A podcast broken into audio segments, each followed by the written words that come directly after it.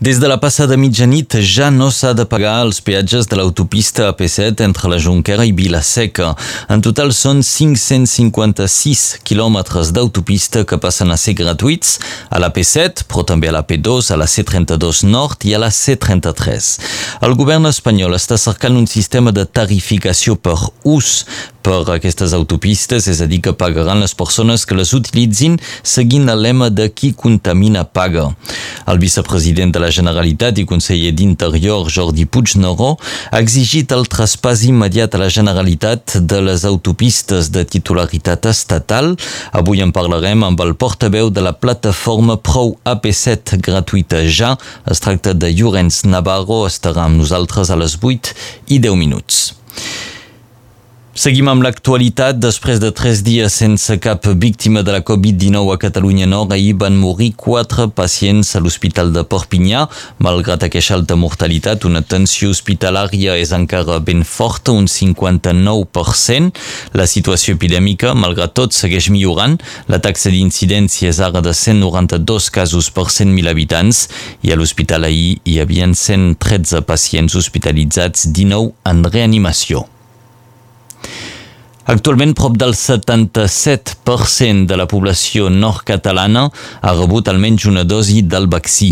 Per donar un nou impuls a la campanya de vaccinació, en els pròxims dies es començarà a vaccinar als centres comercials. A partir de dissabte la vaccinació serà possible als centres comercials del Caridor a Perpinyà o de la Salanca a Clairà.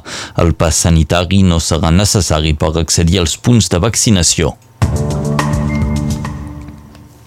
La Brem ha començat tard enguany, més o menys una setmana més tard de l'any passat. Diversos fenòmens climàtics han dificultat la feina dels vinyaters entre gelada, sequera i un mal temps que ha tocat la vinya en plena floració. Malgrat tot, la Brema ja és aquí i aterrats han començat a collir dilluns passat. Van començar a collir en aquest eh, moment el, el, el muscat, és el que nos explica a continuació. Un vinyater de Terrats, René Paraire, s'ha encollit el muscat eh, petit gra i eh, va bé, feia, feia un 15 i mig i 16 està. És que engony amb la sacada havia estat eh, a punt i eh, hem esperat tot l'estiu una bona pluja que, que mai, mai ha vingut. Aquí uh, hem tingut sort per al gel i um, és que tinc company que ha pestager i tot això, pobrets, uh, amb poca collida, només que el gel i la secada engony per ells serà molt difícil, molt difícil. Tothom s'ha posat uh, dins de la marxa de la, la mutuelle social agricole, les ajudes de, de, de l'Estat, mais bon, és com quan hi ha un foc, és un de foc també, sempre si hi ha una, una assegurança o, o altra cosa, sempre es perdes, perdes almenys 20 o 25% que això ningú s'ho tornarà. Ho és que amb la sacada d'engony ha estat un any molt, molt difícil, eh? molt difícil. Eren paraules d'un vinyater de Terrats, René Paraire, que recordar que els primers en collir raïm enguany van ser els vinyaters de l'estació vitivinícola de Tracera, va ser el 2 d'agost, per una varietat tolerant a les malalties.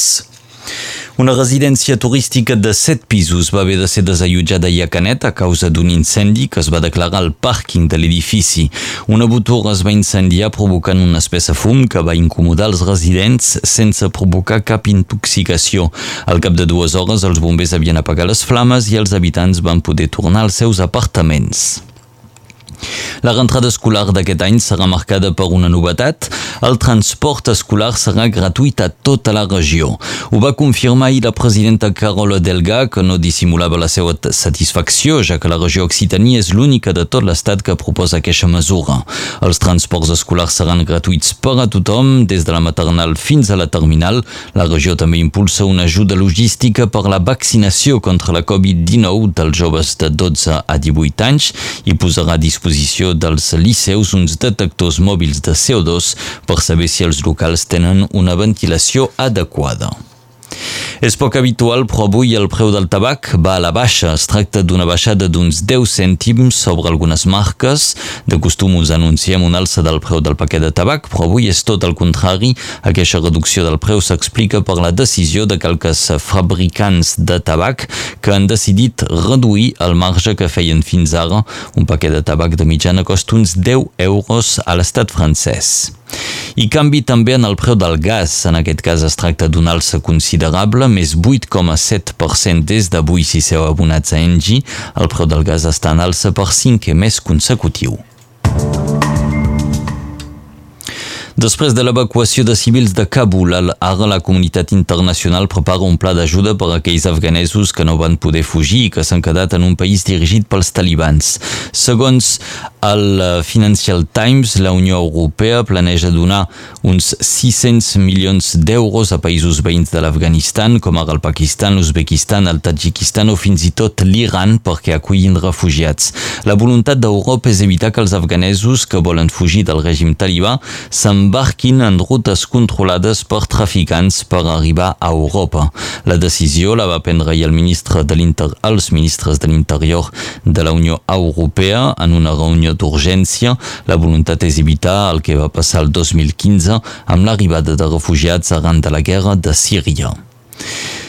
I passem ara a Nova Caledònia, que tornarà a votar un nou referèndum d'independència previst pel 12 de desembre d'aquest any. És el tercer cop que els habitants de l'arxipèlag de Kanaki decidiran de quina relació volen tenir amb l'estat francès. Fins ara els dos referèndums precedents van donar la victòria al no a la independència. El vot independentista va obtenir un 43% de, de vots al 2018 i 45% al 2020. Als esports, Griezmann ja no és jugador del Barça, el francès fitxarà per l'Atlético de Madrid després d'un acord entre els dos clubs per una associació d'un any amb opció de compra.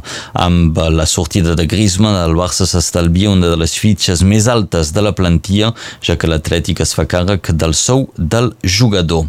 I d'altra banda, el Barça ha anunciat el fitxatge de l'atacant Luc de Jong. És cedit del Sevilla fins al 30 de juny del 2022.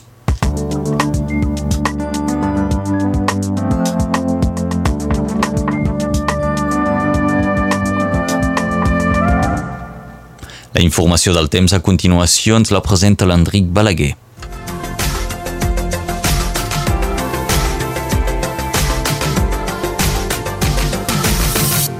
Acabem un mes d'agost amb dates climatològiques dins la mitjana pel que fa de les temperatures, però amb 46% menys de precipitacions. Ha plogut només 14 mm per metre quadrat. 13 dies de gran calor i dos de molt gran calor. Són les dades de l'estació Meteo de Ribes Altes. Tenim aquest matí un cel velat amb núvols alts. A la tarda, creixement de nuvolades a la part occidental del territori i pot ser un ambient elèctric, sobretot a cotes altes, riscos de temporals, quan a la part oriental no es veu cap canvi.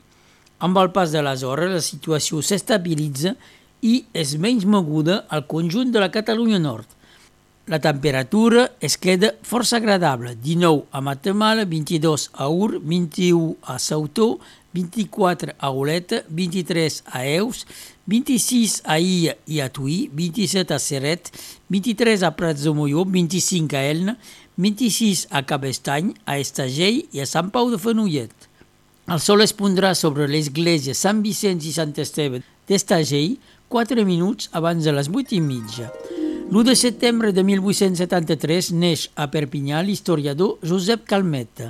El mateix dia, però l'any 1944, a Alcoi, al País Valencià, neix el pintor Antoni Miró. Avui és Sant Llop i Sant Gil. Diuen que Sant Gil es va retirar a una cova de la vall de Núria. Allà es va fer una imatge de la verge i una creu. Va enterrar als seus estris la imatge de la Mare de Déu, la creu, una olla i una campanya. Molt temps després, un pastor va trobar aquests estris i fundar la capelleta que més tard es convertirà al santuari de Núria. Per Sant Gil, set alegries i set neguits.